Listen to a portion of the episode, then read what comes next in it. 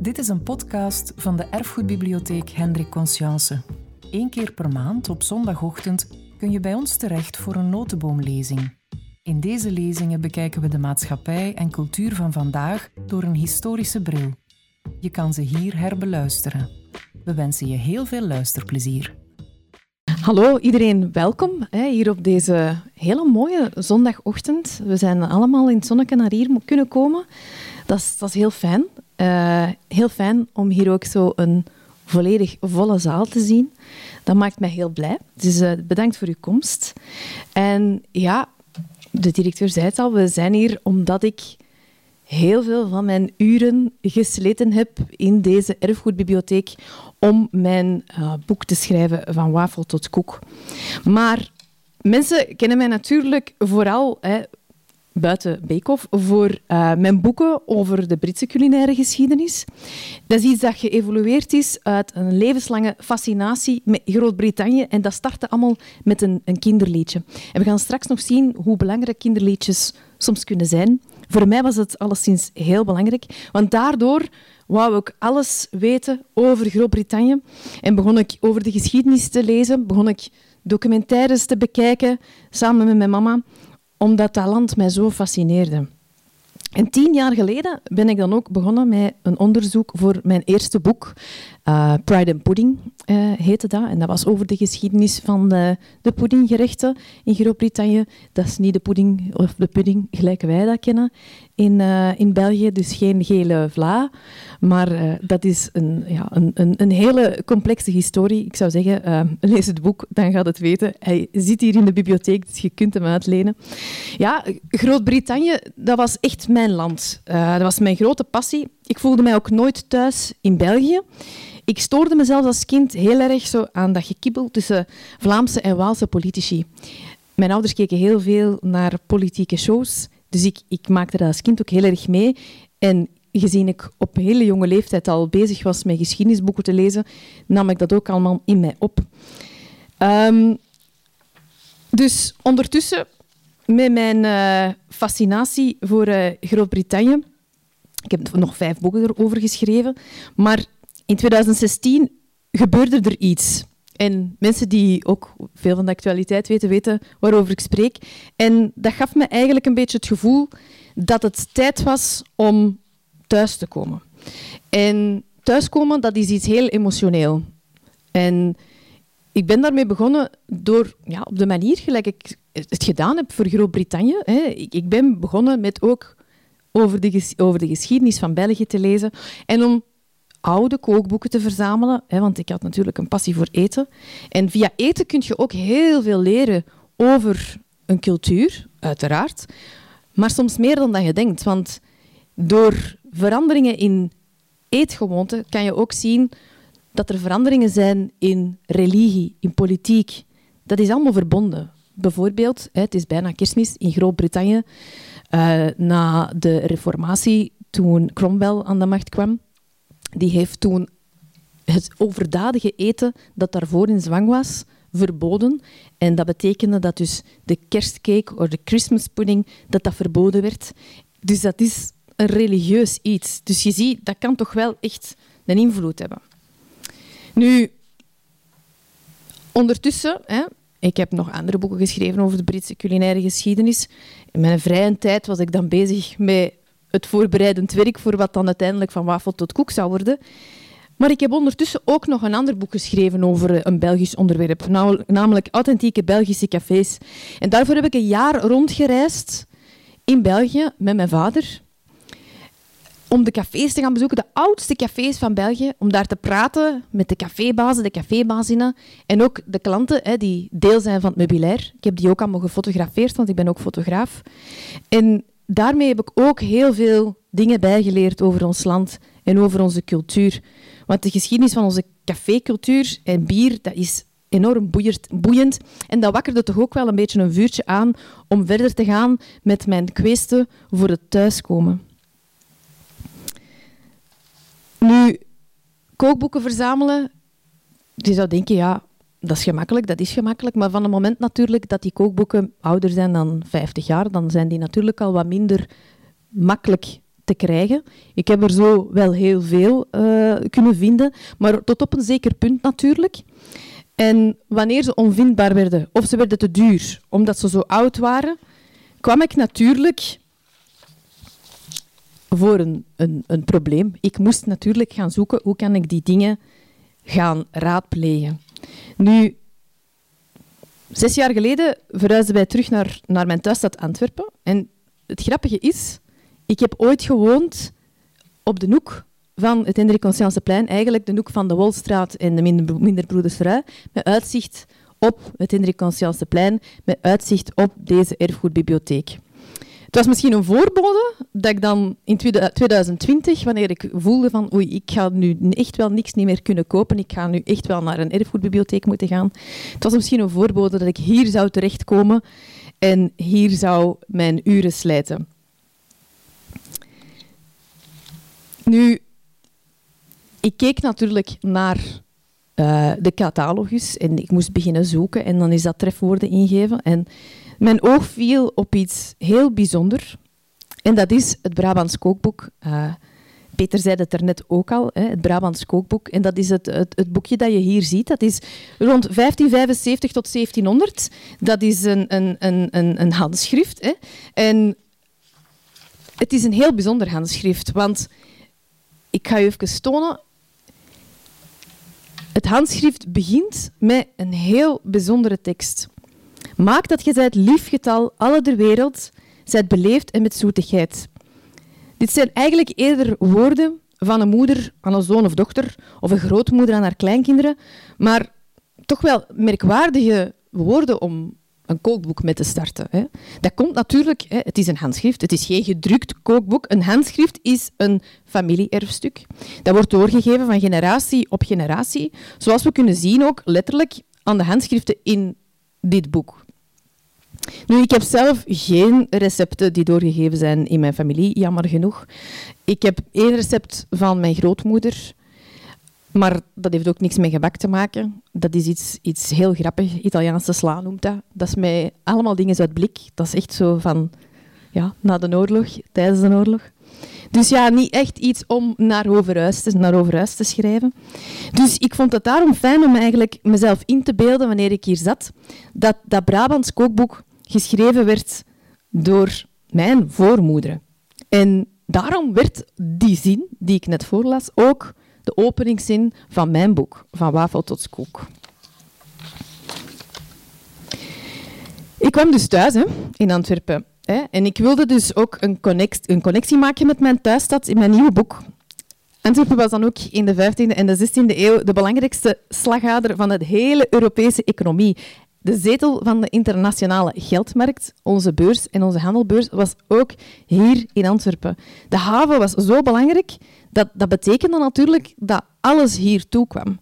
En omdat ik mij focus op gebak, omdat gebak hetgeen is dat een eetcultuur de eeuwen het beste overleeft, dacht ik meteen aan twee dingen.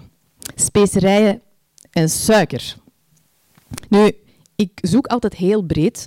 Als je voor onderzoek naar eetcultuur alleen maar in kookboeken gaat zoeken, ja, dan gaat je maar een heel klein gedeelte van het verhaal zien.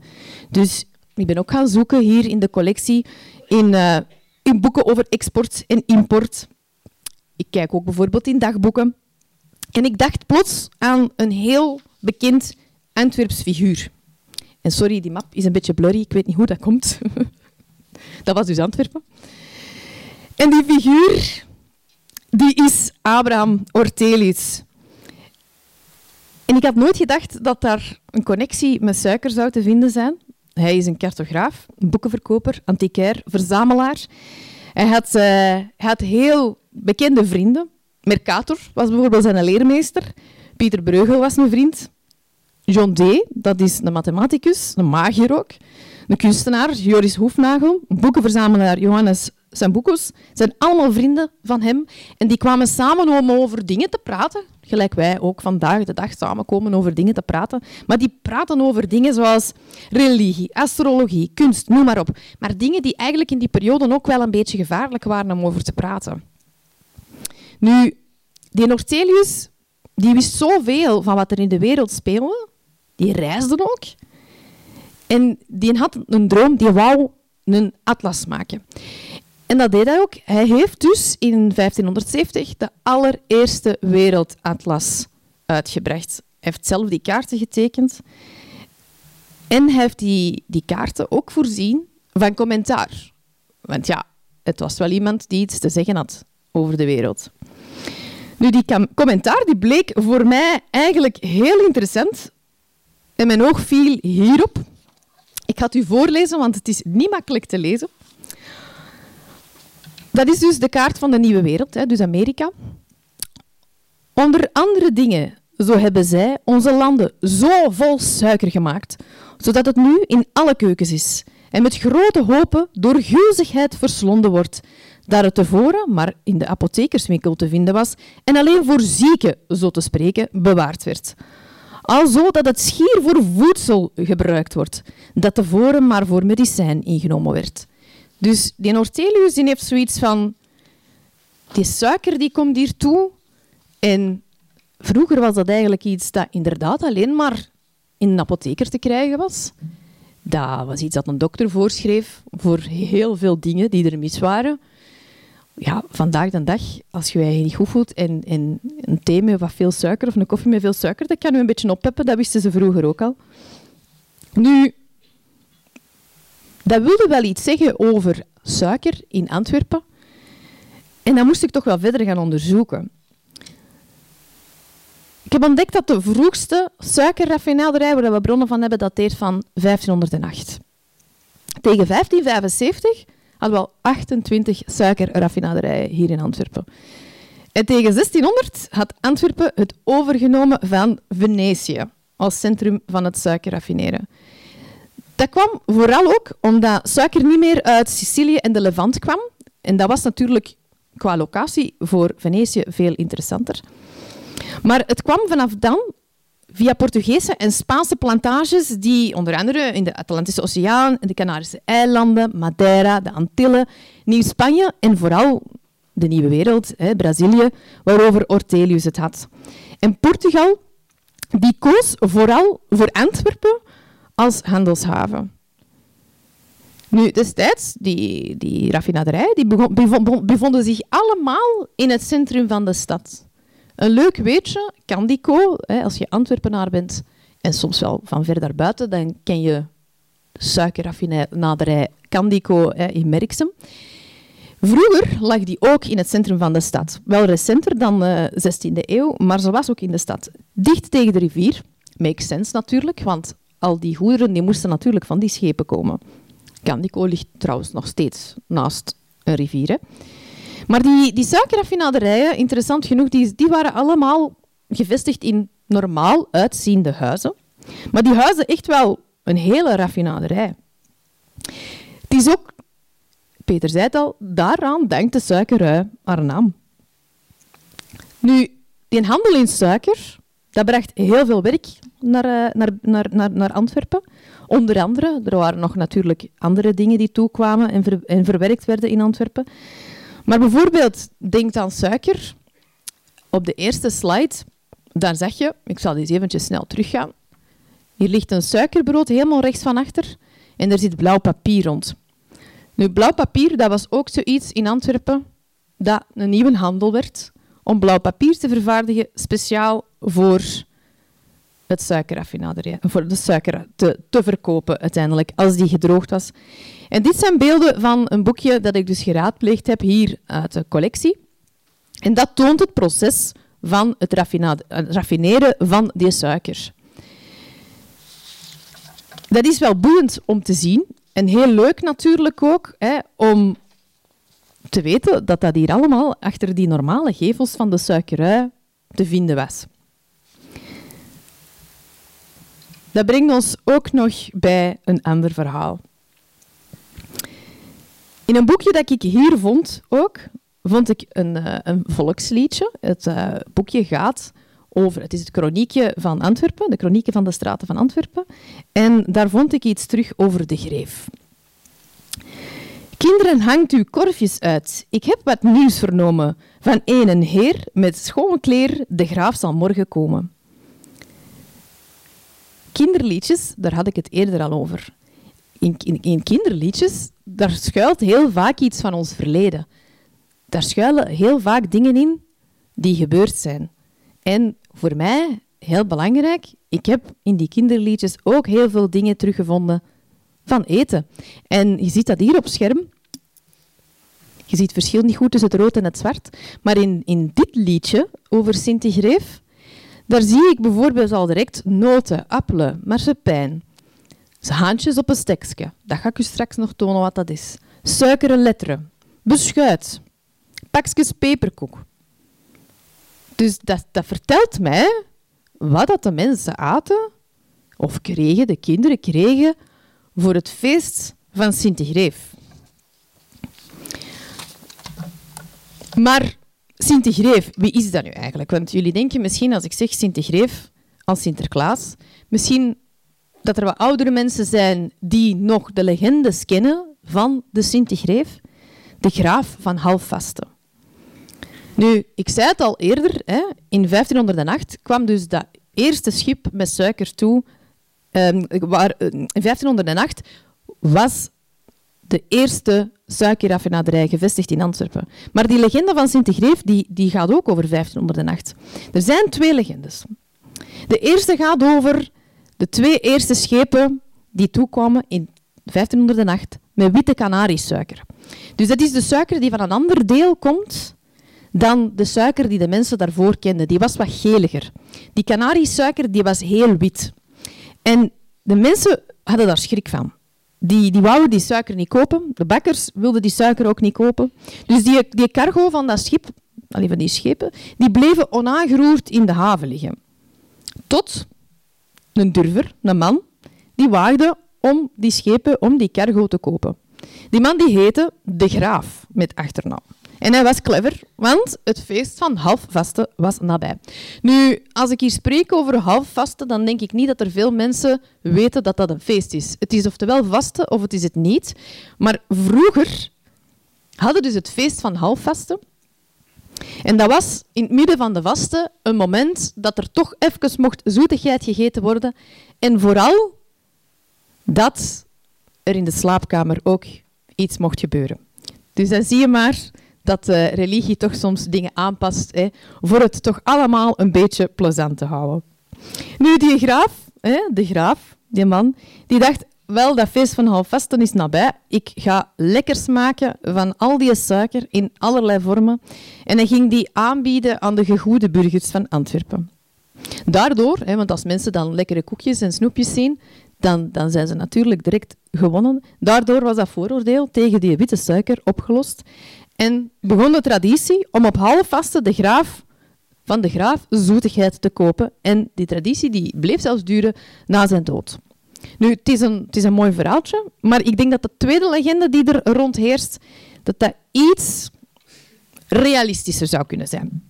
Hier is het schip geladen, niet alleen met, met, met suiker, maar met citroenen, met oranje appels, hè, dat zijn appelsinen, vijgen, rozijnen.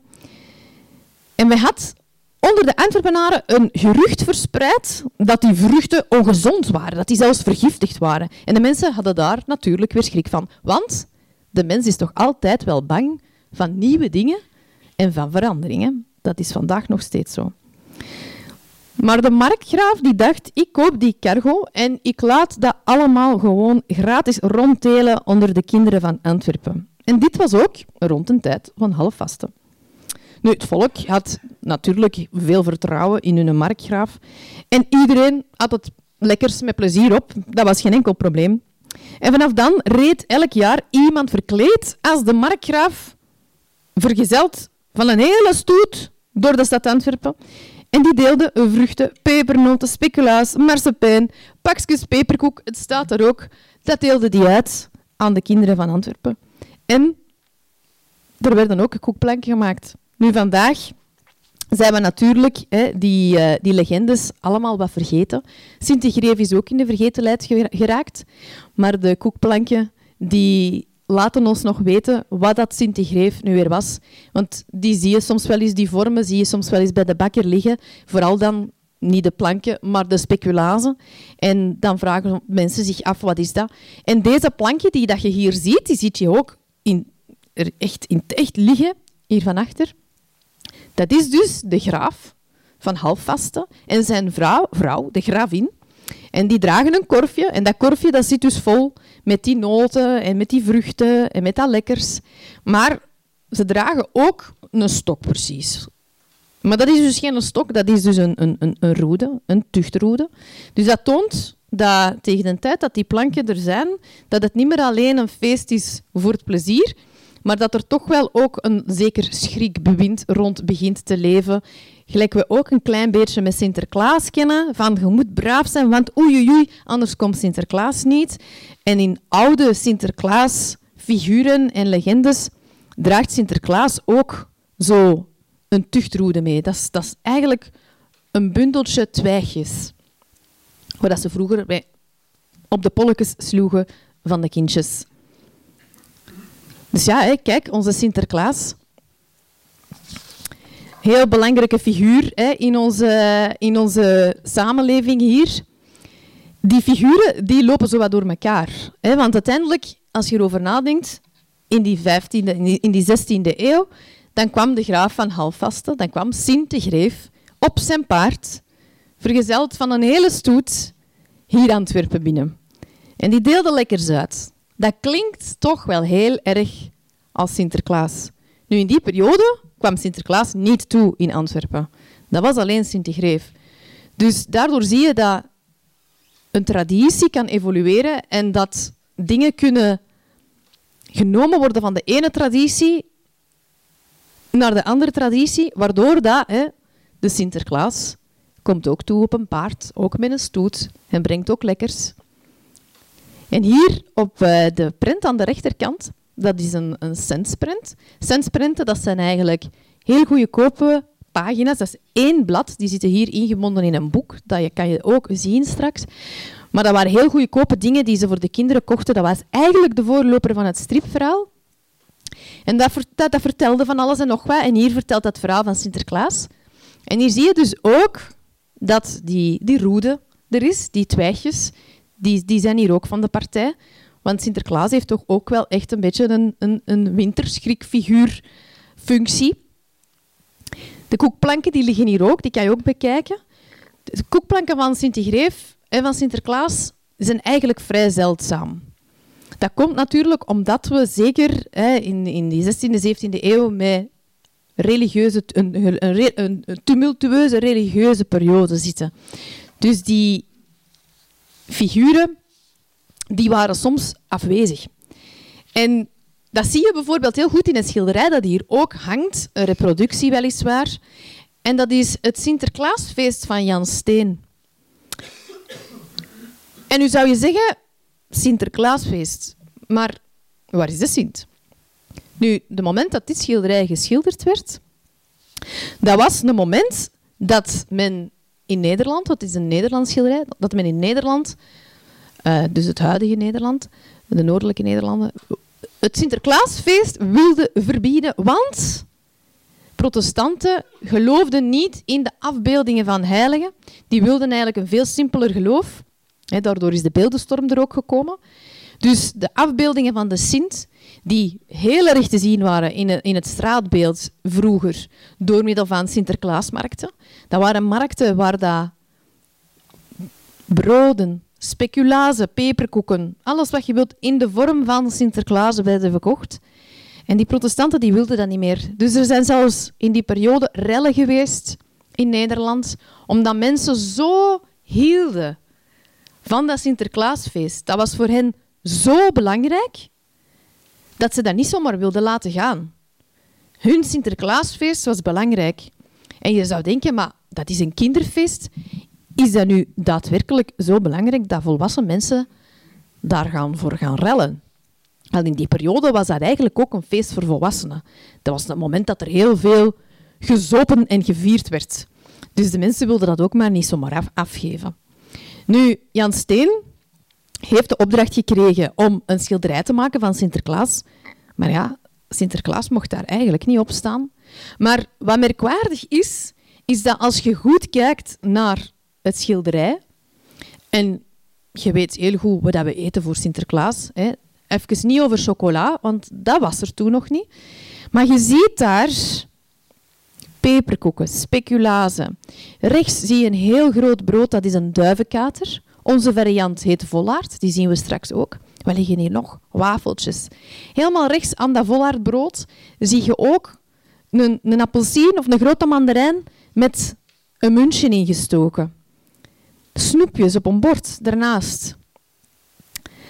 Dat meisje dat van voor staat met zo'n een, een, een korfje in haar hand, zo'n een, een, een ijzeren korf in haar hand, heeft een pop gekregen. En in dat mandje zit iets wat ik er straks het ook al over had. Een haantje op een stekje. Dat is wel merkwaardig, want de haantje op een stekje is eigenlijk eerder gelinkt met Sint-Greef en Sint Maarten. Maar het zit hier toch ook wel in een Sinterklaasfeestschilderij. Ik vind het heel mooi om te zien dat we vandaag de dag de dingen die we zien op dat schilderij, het eten dat we zien op dat schilderij, en ook de schoen bijvoorbeeld, dat we de gebruiken, dat we het eten dat we zien op dat schilderij, dat we dat nog altijd direct kunnen associëren met het Sinterklaasfeest. We hoeven Sinterklaas hier gewoon niet te zien. Je ziet, hè, ze kijken in de schouw van, hè, is hem daar nog? Dus alles is aanwezig over het Sinterklaasfeest. Alleen Sinterklaas is niet aanwezig.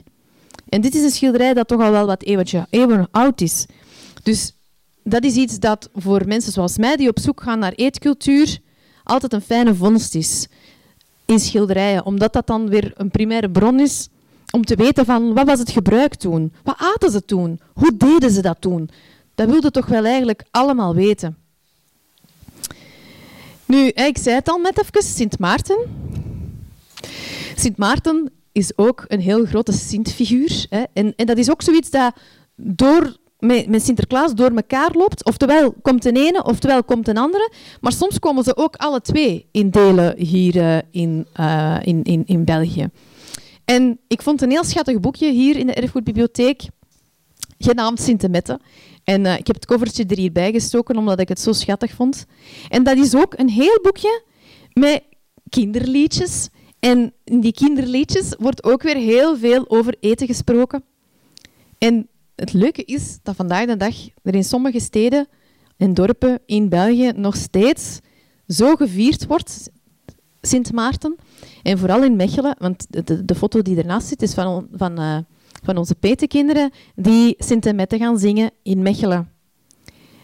Dus dat is heel grappig om te zien, want als, als ik, hè, ik kom van Antwerpen, ik heb nooit iets meegemaakt van Sint Maarten, moest ik naar Mechelen gaan en ik zou die kinderen zien lopen, dan zou ik denken, die zijn verkleed als Sinterklaas. Maar nee, het is Sint Maarten.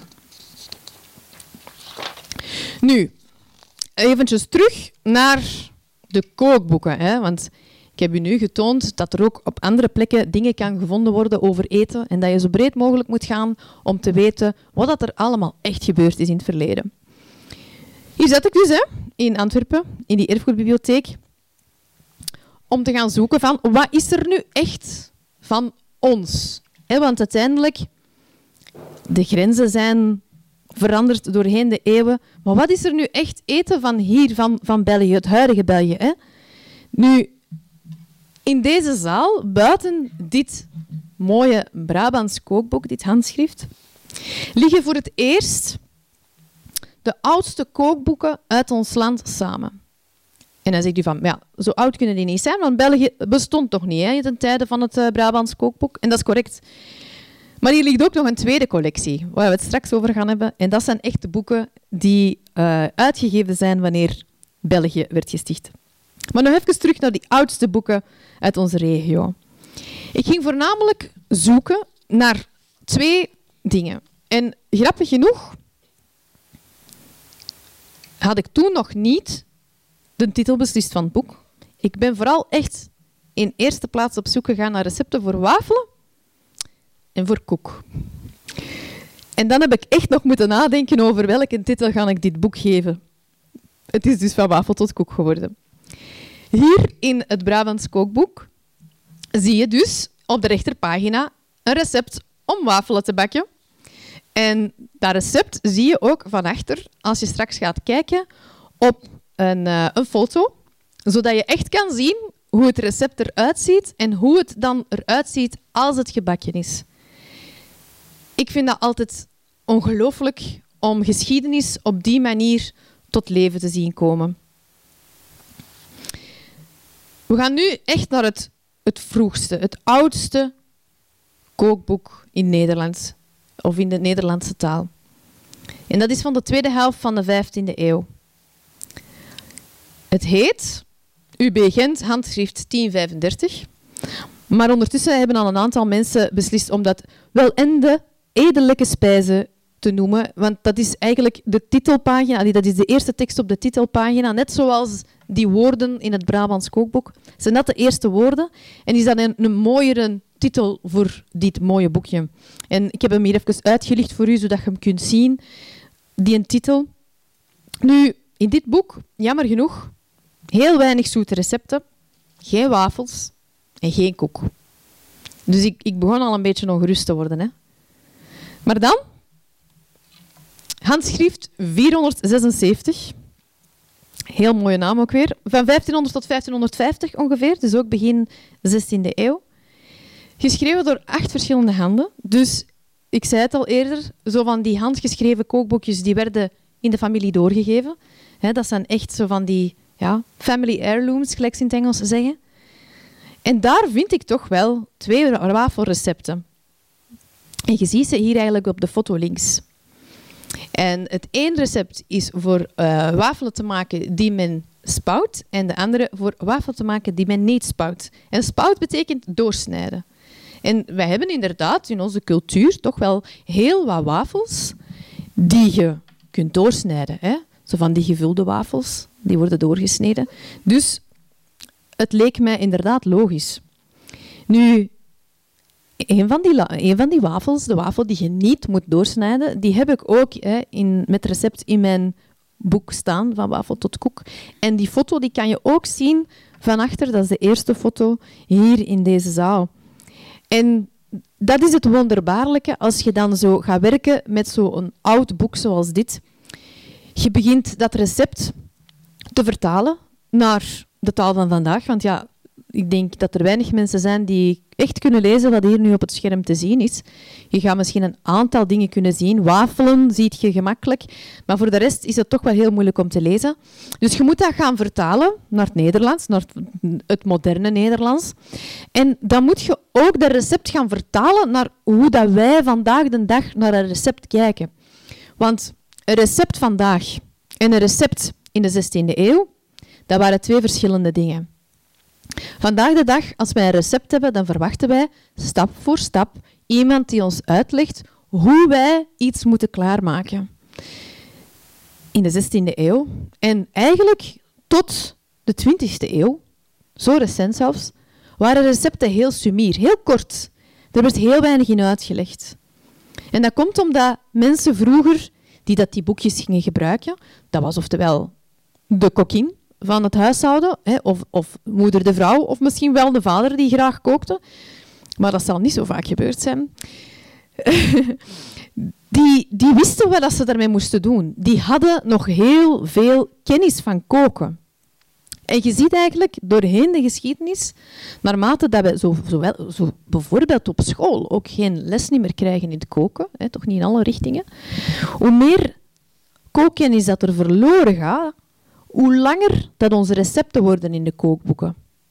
Nu, die recepten die je hier voor u ziet, die oude recepten, dat waren eigenlijk meer geheugensteuntjes.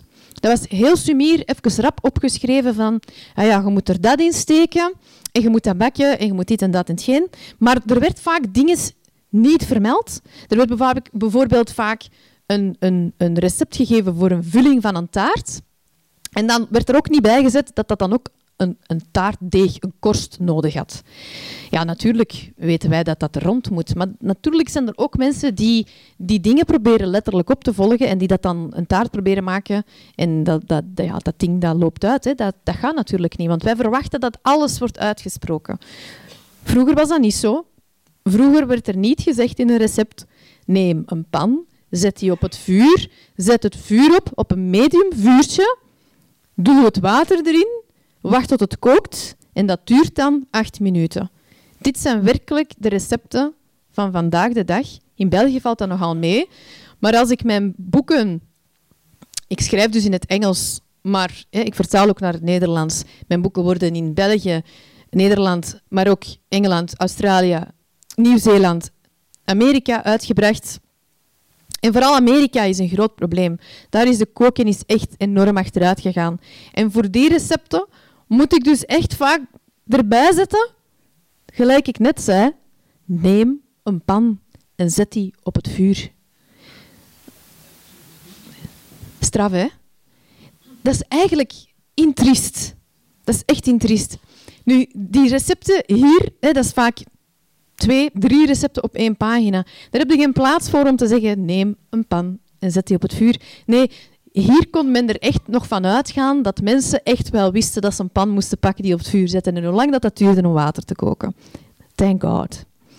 Nu, heel interessant met dit recept was, ik begon dat dus te maken, ik begon dat dus te volgen en ik merkte hoe naar gelang dat ik dat aan het maken was, omdat ik dus wel kookkennis heb, van dit zou wel eens de voorloper kunnen zijn van onze Luikse wafel. En inderdaad, het resultaat, het is wel met bier gemaakt, want vroeger werden er heel veel dingen qua gebak in de plaats van met gist met bier gemaakt, of met biergist, maar ook met bier. Dus dit is eigenlijk, het resultaat is eigenlijk een Luikse wafel met biersmaakje. Ik zou zeggen, probeer het allemaal. Dat is super lekker. Maar het is voor mij, als persoon die een onderzoek gaat doen, ongelooflijk om zoiets te ontdekken. Om een recept te ontdekken waar je echt aan voelt van... Ja, dit is wat later de Luikse wafel zou worden.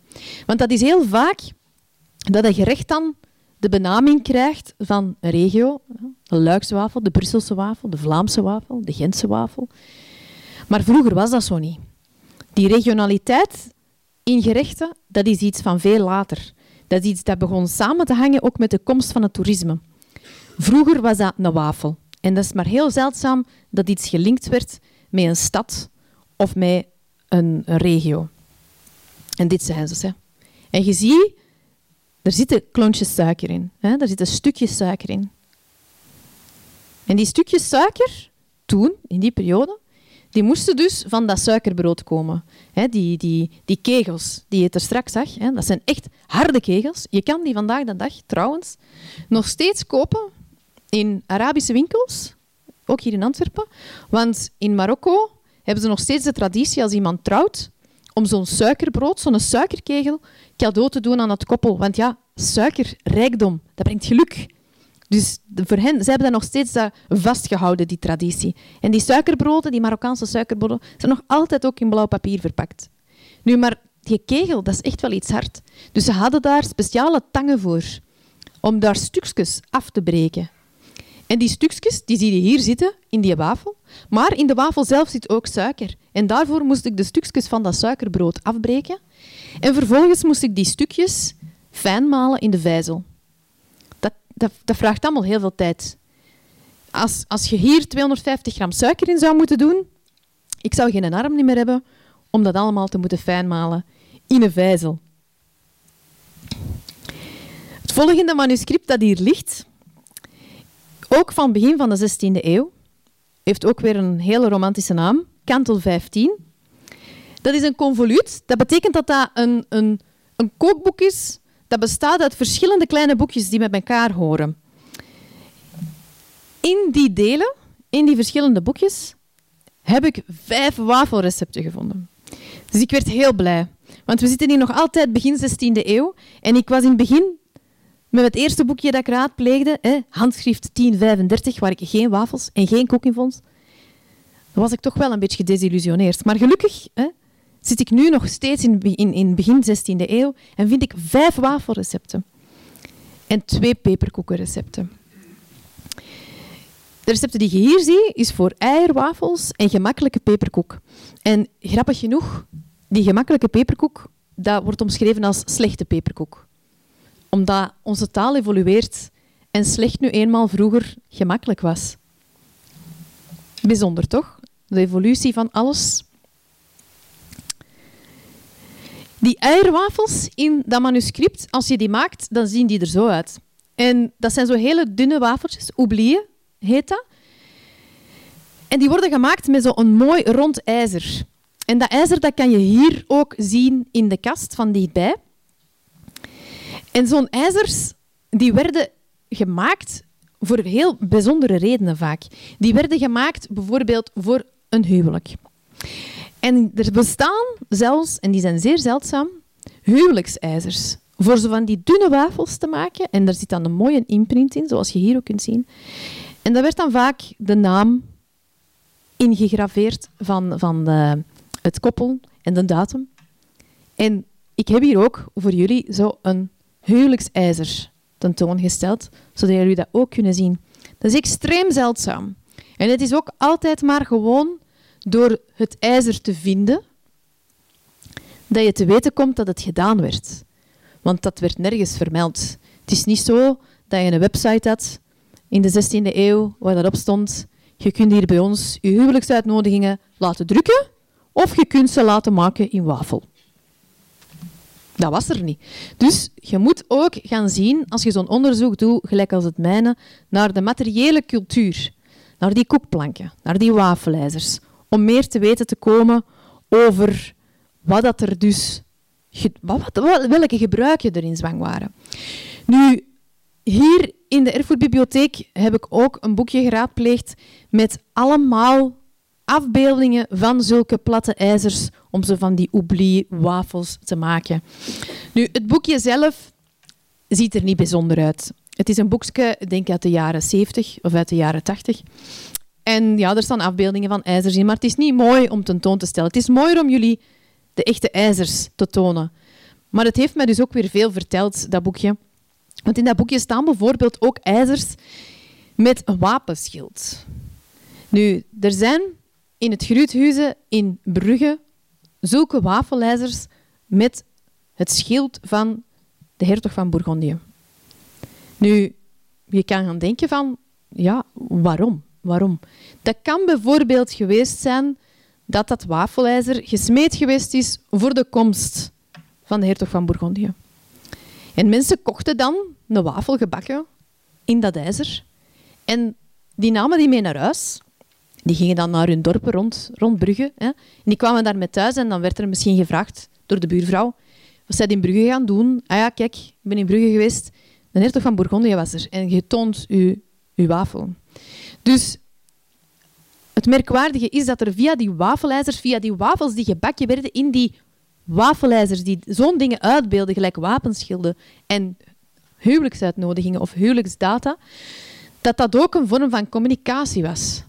Dat dat ook een vorm was van te tonen wat er gebeurde. Zij het de komst van de hertog van Bourgondië, zij het een huwelijk. Dus toch wel heel fascinerend, vind ik zelf. Het volgende manuscript komt uit deze erfgoedbibliotheek en het noemt het kookboek. Ik ben blij dat het hier niet zo een, uh, een nummer heeft. Het heeft een nummer, maar het heeft ook een titel. En gelukkig kunnen we daardoor de titel ook gewoon gebruiken. De openingspagina van dit boek is hier te zien. En het heet ook, het, het staat er ook op. Het heeft een titel, kookboek. En dat is uitzonderlijk. Het is ook van begin 16e eeuw. En het bevat vier wafelrecepten. En hier kun je toch wel al wat beter lezen. Hè? Grote wafelen, kleine wafelen. Oblieën maken. En wat heel bijzonder is, is dat hier ook een afbeelding staat, een, eh, een, een, eh, een, een woord staat, rechtsonder, in een gens ijzer. En ik viel toen bijna van mijn stoel hier in de leeszaal. Dus er heeft ooit echt een typisch Gens wafelijzer bestaan. Waarom weet ik dat? Omdat het in dit boek staat. Er zijn geen enkele bronnen van te vinden. We weten er helemaal niks van. We weten nu alleen door de woorden in dit boek dat dat wafelijzer bestaan heeft. Rechtsonder zie je de letteren van deeg. En die letteren van deeg die kun je hier buiten op de overloop aan de trap er zullen ook nog een kast vinden, dus loop er niet voorbij. Maar er mag geen eten in de notenboomzaal voor de veiligheid hè, van de boeken die hier liggen. Dus al het eten ligt daar. Kijk er zeker naar, want er ligt dus ook zo een koekjesbord. Dit zijn dus die lettertjes die gemaakt worden van dat recept dat je ziet in het kookboek. En die lettertjes die werden ook gemaakt voor Sinterklaas. En doet dat ons niet een beetje denken aan de niknakjes? Ja, hè? Iedereen kreeg toch niknakjes vroeger voor Sinterklaas. En vandaag misschien nog. Worden er vandaag nog niknakjes gegeven, letterkoekjes voor Sinterklaas? Ik zie heel veel mensen klikken. Ja, ja. Er is niks mis mee, hè? met een niknakje, met een, een, een. Maar ja, die letterkoekjes die waren er dus toen al. En dat is wel merkwaardig.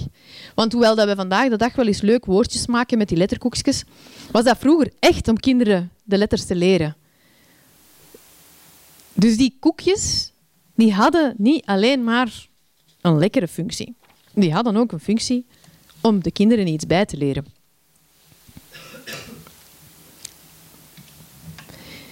Nu, hier liggen ook nog twee boekjes, één open, één gesloten. En het zijn facsimiles. Dus het zijn exacte kopieën van het originele. En dat is hier links te zien. En dat is het notabel boekje van kokerijen van 1510. Dit, lieve mensen, is het allereerste gedrukte kookboek. En dat is van onze kontrijen.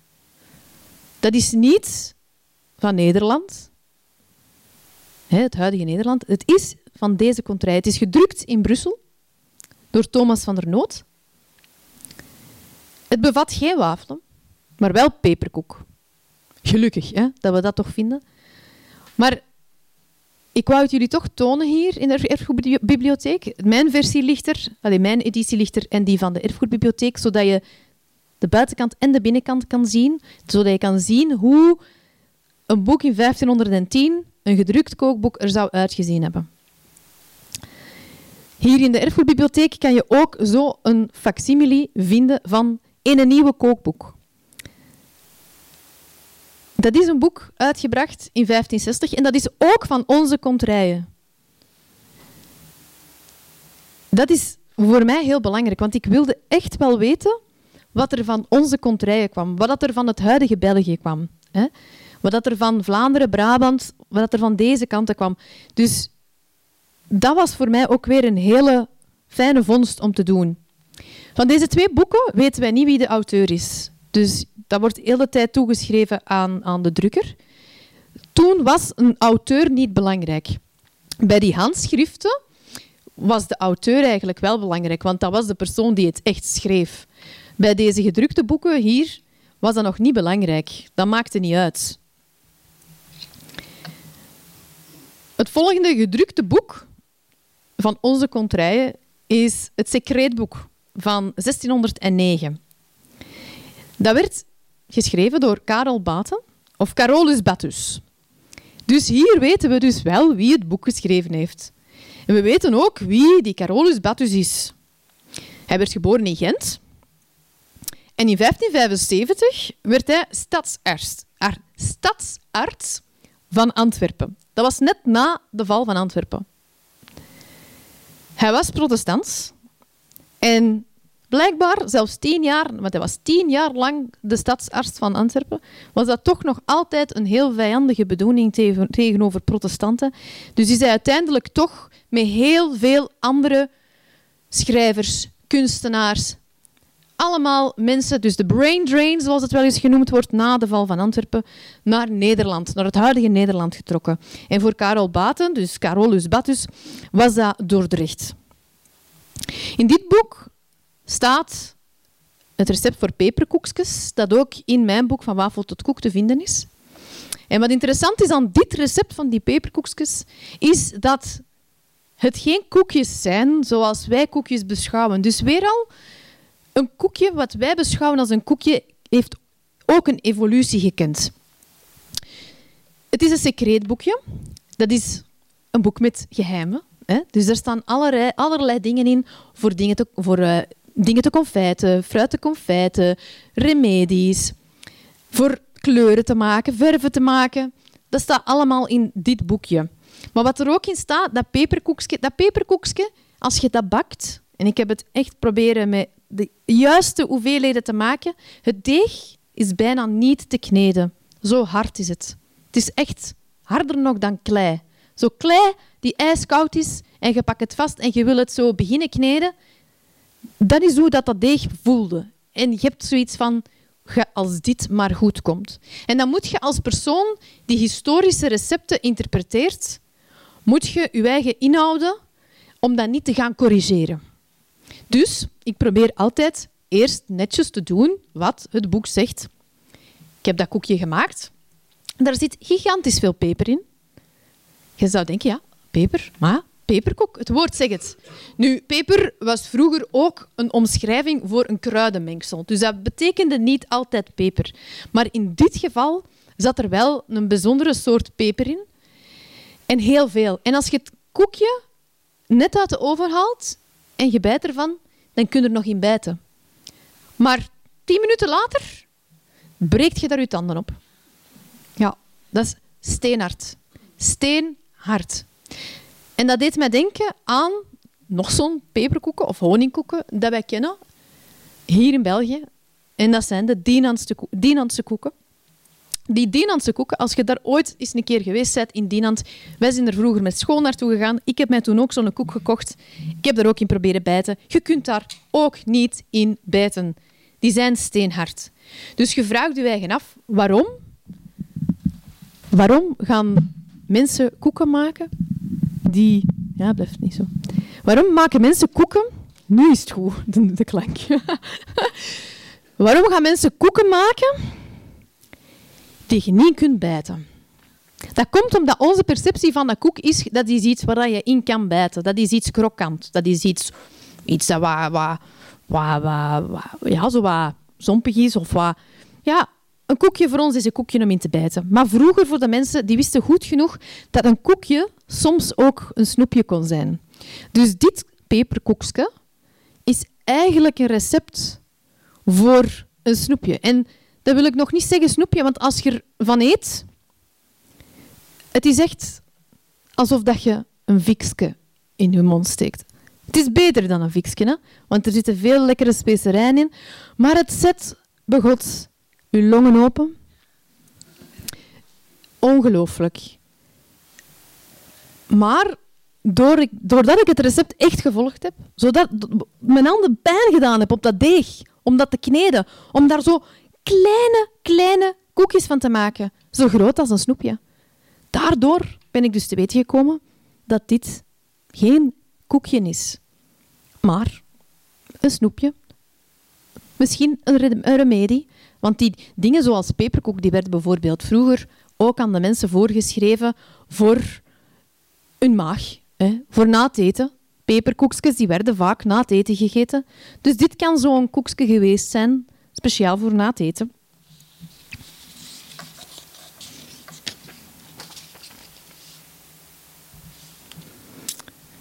Sommige van de kookboeken die we nu al gezien hebben, hè, dat zijn inspiratie geweest voor het meest populaire Hollandse kookboek. En ik zeg Hollands, want het is, nu gaat het echt over Nederland.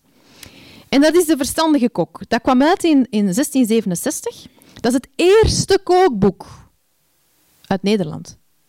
Zie, wij zijn al bezig, hè? Van de 15e eeuw. Ja. Hè? Dat wou ik toch maar eens even zeggen. Dit is echt het eerste kookboek uit Nederland. Er zullen wel handschriften zijn, die zijn er ook, maar dit is echt het eerste kookboek uit Nederland. Er liggen verschillende edities van, hier in de Erfgoedbibliotheek. Ze zijn hier ook bijna allemaal te zien. Er zijn er een aantal niet bij, maar er zijn er gewoon heel veel. Dat boek is gigantisch geplagieerd geweest. Dat was toen heel normaal, als je een boek tof vond, om dat gewoon te laten namaken door een andere drukker. Dat was heel normaal. Copyright bestond toen niet. En dat boek heeft echt heel veel gehaald uit het boek van, of de twee boeken van Karel Baten, Karel, Carolus Batus, hè, die ik daarnet toonde aan jullie. Die man die stadsarts was hier in Antwerpen. Nu, er ligt nog een ander boekje in diezelfde kast. En dat is zo het enigste kookboek dat voor ons in onze contraille gedrukt is in die 17e eeuw. En dat is het kookboek van Antonius Magirus. En we weten ook weer al hier, in Nederland weten we het eigenlijk niet van de verstandige kok. We weten, het is een verstandige kok, maar we weten niet wie hem is. Maar hier bij ons in, in, in België weten we weer wie dat, dat is. Antonius Magirus, een Leuvense professor. En zijn boeken werden gedrukt in Antwerpen. En we hebben er hier ook een exemplaar van, dat je kan bekijken. Hieronder zie je boeken die er duidelijk iets recenter uitzien. Toch iets recenter. Hè? Hieronder zie je de eerste kookboeken die uitgebracht zijn na de stichting van België. En de belangrijkste, die zie je links. Dat zijn de drie boeken van uh, Caudelier. En die, die, die man, dat was iemand van... Uh, hij was geboren in Antwerpen, van een Waalse moeder. Van zijn vader is niks bekend. En op, hij, heeft, hij heeft les gevolgd, denken ze, in Parijs. Hij heeft ook in Brussel gewerkt, stage gedaan. Maar uiteindelijk heeft hij zich gevestigd in Gent, waar hij een traiteurszaak had, waar er heel veel bronnen van te vinden zijn. Hij heeft zelfs voor de koning mogen koken. Dus hij was een, een bekende figuur. Hij was eigenlijk misschien wel de Jeroen Meus van zijn periode. Of misschien, ja, ja toch wel ja, de Jeroen Meus. Absoluut. Hij was heel bekend en hij heeft op een gegeven moment beslist van ik ga stoppen met mijn, met mijn, uh, met mijn cateringzaak, met mijn privéchefzaak. Hij is ermee gestopt. En is vanaf dan beginnen kookboeken schrijven. Nu, belangrijk was, dat is natuurlijk... Allez, je moet denken, hè, de, de Stichting van België, 1835. Die, deze boeken dateren maar van 1860 ongeveer. Dus dat heeft toch nog 30 jaar geduurd nadat België gesticht is, vooraleer dat er boeken uitgekomen zijn in België. En die Caudelier, die man, die schreef zijn boeken in het Frans en die werden vertaald naar het Nederlands. Hij sprak geen Nederlands. Hij, was, hij maakte deel uit van de Gentse bourgeoisie. En de bourgeoisie, de, de, de, rijke mensen, die spraken traditioneel in die periode allemaal Frans. Zelfs al waren ze Vlaams, dan spraken ze Frans, want dat stond chic. Nu, heel bijzonder aan die Caudelier is dat hij toch wel echt een band had met dat België. En hij voelde ook wel dat in die periode er echt wel gedaan werd aan nation building. Hè? Aan het, het, creëren van België. Want ja, België werd ineens gecreëerd. Dus dan moet ineens ook een, een, een nationale keuken hebben, nationale gerechten hebben. Dingen die de mensen kunnen overtuigen van dat ze niet meer Antwerpenaar, Brabander, dat ze echt Belg zijn. Ze zijn Belg. Hè? Hendrik Conscience maakte daar ook deel van uit, bijvoorbeeld. Hè? Van, die, van die movement om, om nation building te doen. En Caudelier die heeft als eerste ook recepten in zijn boeken gepubliceerd voor bijvoorbeeld Gentse waterzooi. En belangrijk voor ons verhaal, hij heeft ook voor de eerste keer recepten gepubliceerd voor de Brusselse wafel en de Vlaamse wafel. En nu wil ik jullie eens vragen om uw hand op te steken. Denken jullie dat de wafels aan de rechterkant de Brusselse wafel zijn? Steek dan uw hand op. Rechts. Daar. Met de crème fraîche, hè? dat is rechts. Is de rechtse wafel, is dat de Brusselse wafel? Allee, mannetjes. Laten we die handen zien, zou Reggie zeggen. Ja. Is de rechtse wafel dan deze?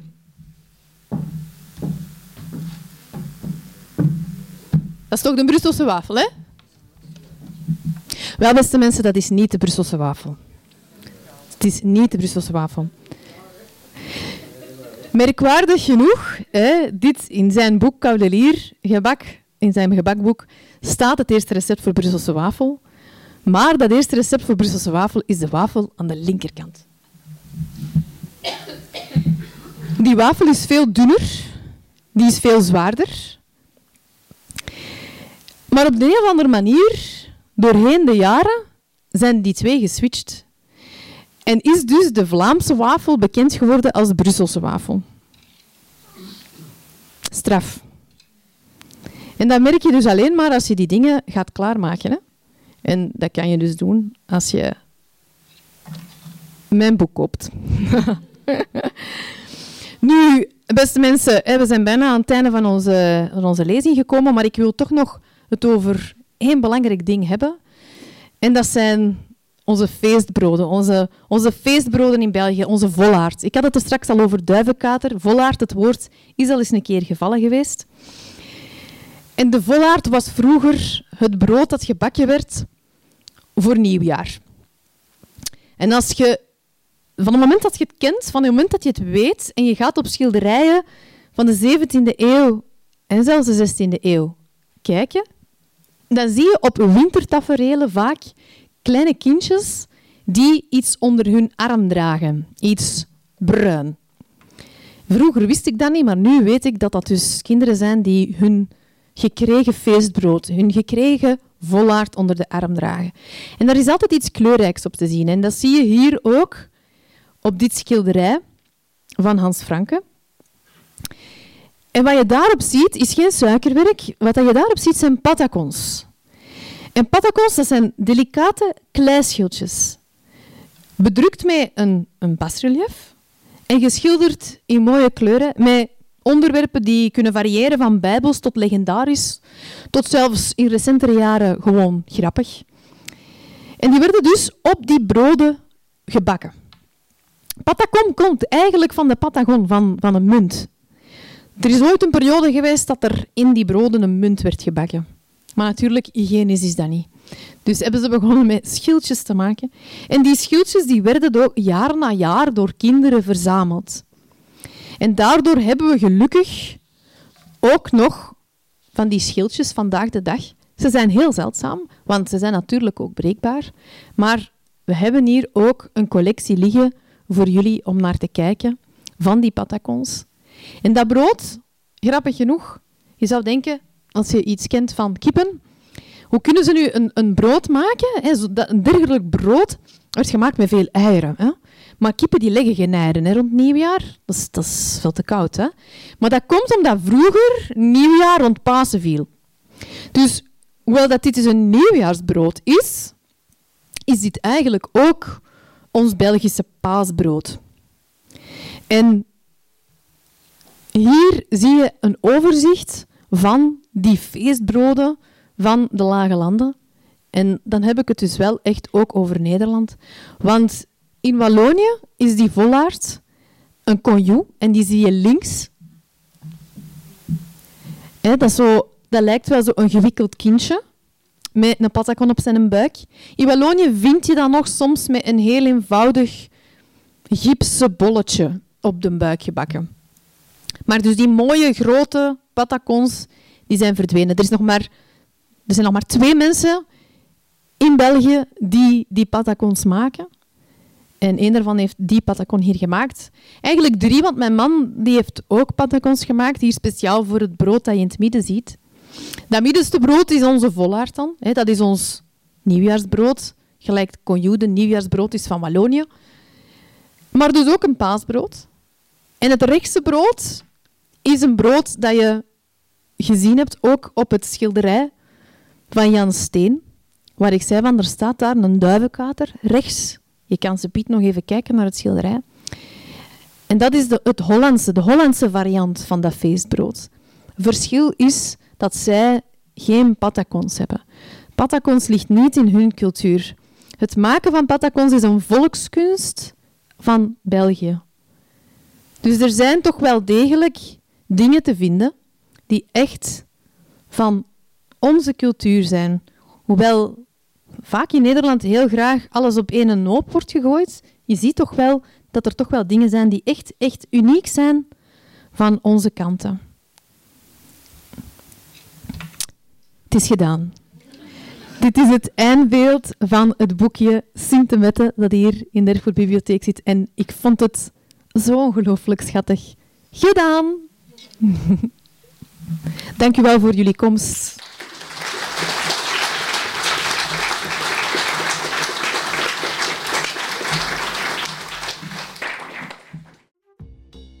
Je luisterde naar een podcast van de Erfgoedbibliotheek Hendrik Conscience. Wil je nog een andere lezing beluisteren? Ga dan naar www.consciencebibliotheek.be schuine streep herbeluister.